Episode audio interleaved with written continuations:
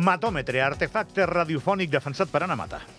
Molt bon dia. Bon dia de nou. Avui us portem com cada jornada tres temàtiques diferents i la primera és una un fet que va passar en una roda de premsa que es va fer justament ahir i es va poder seguir per tots els canals d'aquesta casa i per tant avui ho hem volgut recuperar perquè aquest dimecres Guillem Casal, que és portaveu del govern, va protagonitzar un moment icònic, podríem dir, en la roda de premsa posterior al Consell de Ministres que es va convocar pels mitjans de comunicació. De fet, la temàtica principal era fer un repàs dels temes d'actualitat del país, com són la incorporació de noves places als centres sociosanitaris, educació, eh, en educació, nous títols universitaris i també les noves places per al cos de banders, a banda també del projecte transfronterer que afecta a la Pedra Seca. Durant el torn de preguntes, i com és habitual en els nostres companys periodistes, un d'ells, de l'altaveu digital, el senyor Toni Solanelles, va fer una consulta al portaveu qui li va acabar donant una resposta que em sembla que pocs dels oients i telespectadors estàvem esperant.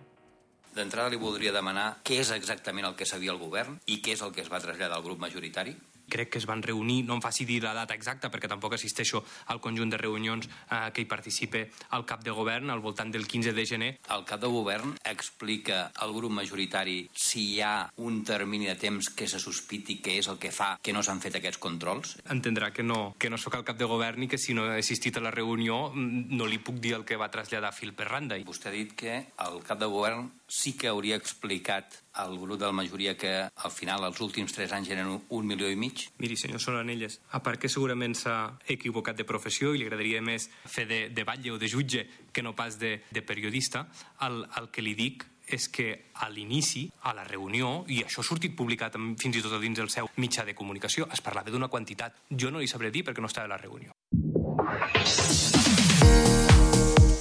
És un bon pim-pam-pum, eh? Pim-pam-pum. A veure, hem hagut de retallar moments perquè al final la, tot aquest moment va ser de 14 minuts, per tant, hem hagut de retallar... 14 minuts van estar pim-pam-pum. Sí, clar, no, però perquè Casal feia una explicació una mica més, més ampliada i Solanelles feia més preguntes amb pauses dramàtiques que em van encantar, perquè al final, entre moment i moment, era un...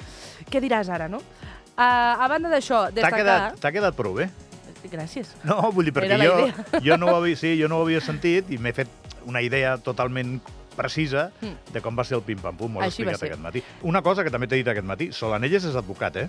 Sí, correcte, va si fer la carrera de dret, batlle, totalment El d'acord. que no sé si s'ha fet a Andorra, perquè és de Manresa, però podria també per anys viscuts al país. Vol dir que igual es vol fer batlle. De fet, destacar sobre aquesta temàtica, en aquesta roda de premsa que s'està fent, aquesta compareixença de Marc Alabert al Consell General, el president de la CAS diu que entre el 2021 i el 2022 van descobrir que hi havia errors en la regularització d'algunes pensions d'invalidesa i que cobraven de més. A l'agost del 2023, per tant l'any passat, s'informa a Afers Socials i al setembre es presenta un full de ruta de la regularització i a banda s'encarrega aquest informe jurídic. Més coses, perquè tenim els Premis Eslan. Ahir ens acompanyava Àlex Breton aquí a l'estudi, ens va explicar doncs, algunes cosetes relacionades amb els premis, però ahir a la nit sabíem, anunciaven des de l'organització, un dels artistes convidats, de fet, el primer que anunciaven per aquesta, aquests Premis Eslan, i serà La Fura dels Baus, una Tela, eh? companyia teatral que es caracteritza per un llenguatge visceral i que fusiona el teatre de carrer amb el que seria la vitalitat del rock. Deies, tela, doncs sí, tela. No, no, no sé en quin moment està la Fura dels Bous, però és una referència Doncs sí. de, de proposta trencadora i, i de- d'anar sempre més enllà dels, dels límits. De fet, estarem pendents perquè els queda una setmana per mm, tenir aquests eslan aquí a, al país. Recordem que són el dia 16 i veurem en aquesta setmana a veure quins són els altres artistes convidats. Mira, ahir parlàvem, que va estar molt bé, tenia aquí a l'Àlex Breton, em va encantar, dels Eslan, i em va dir el que costava fer els Eslan, Mm. 1,2 milions d'euros, va dir, entre 1,2 i 1,3, perquè la gent es faci una idea. Dubto molt que ens gastem, ni de prop, la mateixa quantitat en la cerimònia inaugural dels Jocs dels Petits Estats. No, ho, Ja dic, ho ho dic perquè la gent pensi el que passa aquí la setmana que ve. Correcte. Jo ja he vist uns Jocs. Dos, he vist aquí a Andorra, 91 i 2005. Uh, vull dir que ja sé més o menys el que... I ho van fer bé, eh? Van ser xules les jo dues, és que el eh? 2005 encara no, no tinc, saps? No, no hi ha records encara prou Quants anys prou tenies, el sòlids. 2005? Set. Jo Soc de fer- lletres, no? A mi, a mi em va tocar fer les dues per la tele. És que, és que és, soc lamentablement gran, Anna Mata, però perquè la gent tingui una idea de, de, de l'envergadura dels Eslan, és, és un event molt gran. Mm.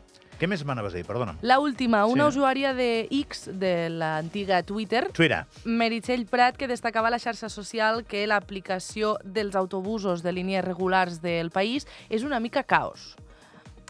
Per què?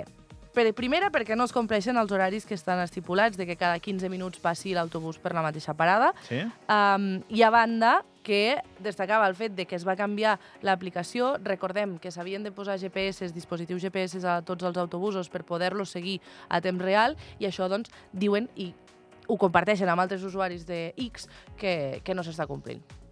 O sigui, eh, tu pots saber quan trigaràs a, a que vingui Correcte? el bus. Sí. I el temps d'espera és molt superior al que hauria de ser. Depèn, Eh, eh, suposo també depèn del dia, eh? depèn del moment, l'hora de la jornada en la que estiguem, si hi ha més trànsit, menys trànsit, si hi ha la sortida de les escoles, si estan baixant de pistes, vull dir... I tens el tuit aquí o...? Doncs sí, sí Ah, que el va bé. tenim, sí.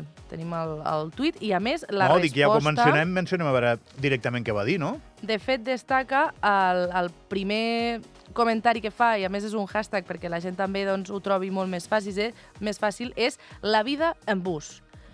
és mirar l'APP de Moute, que recordem que va canviar de nom, veure que has d'agafar el bus a les 14.49 per arribar a destí a temps, ser abans d'aquestes 14.49 a la parada i que a les 15.02 un bus que ha sortit, en teoria diu, de l'estació nacional a 3 quarts de 3, per tant a les 14.45, encara no hagi arribat. Així és molt difícil ser sostenible i això, agafant-lo quatre parades després de la sortida, tindrem transport gratuït, però només serà alternativa real quan compleixi horaris i respongui a necessitats dels usuaris.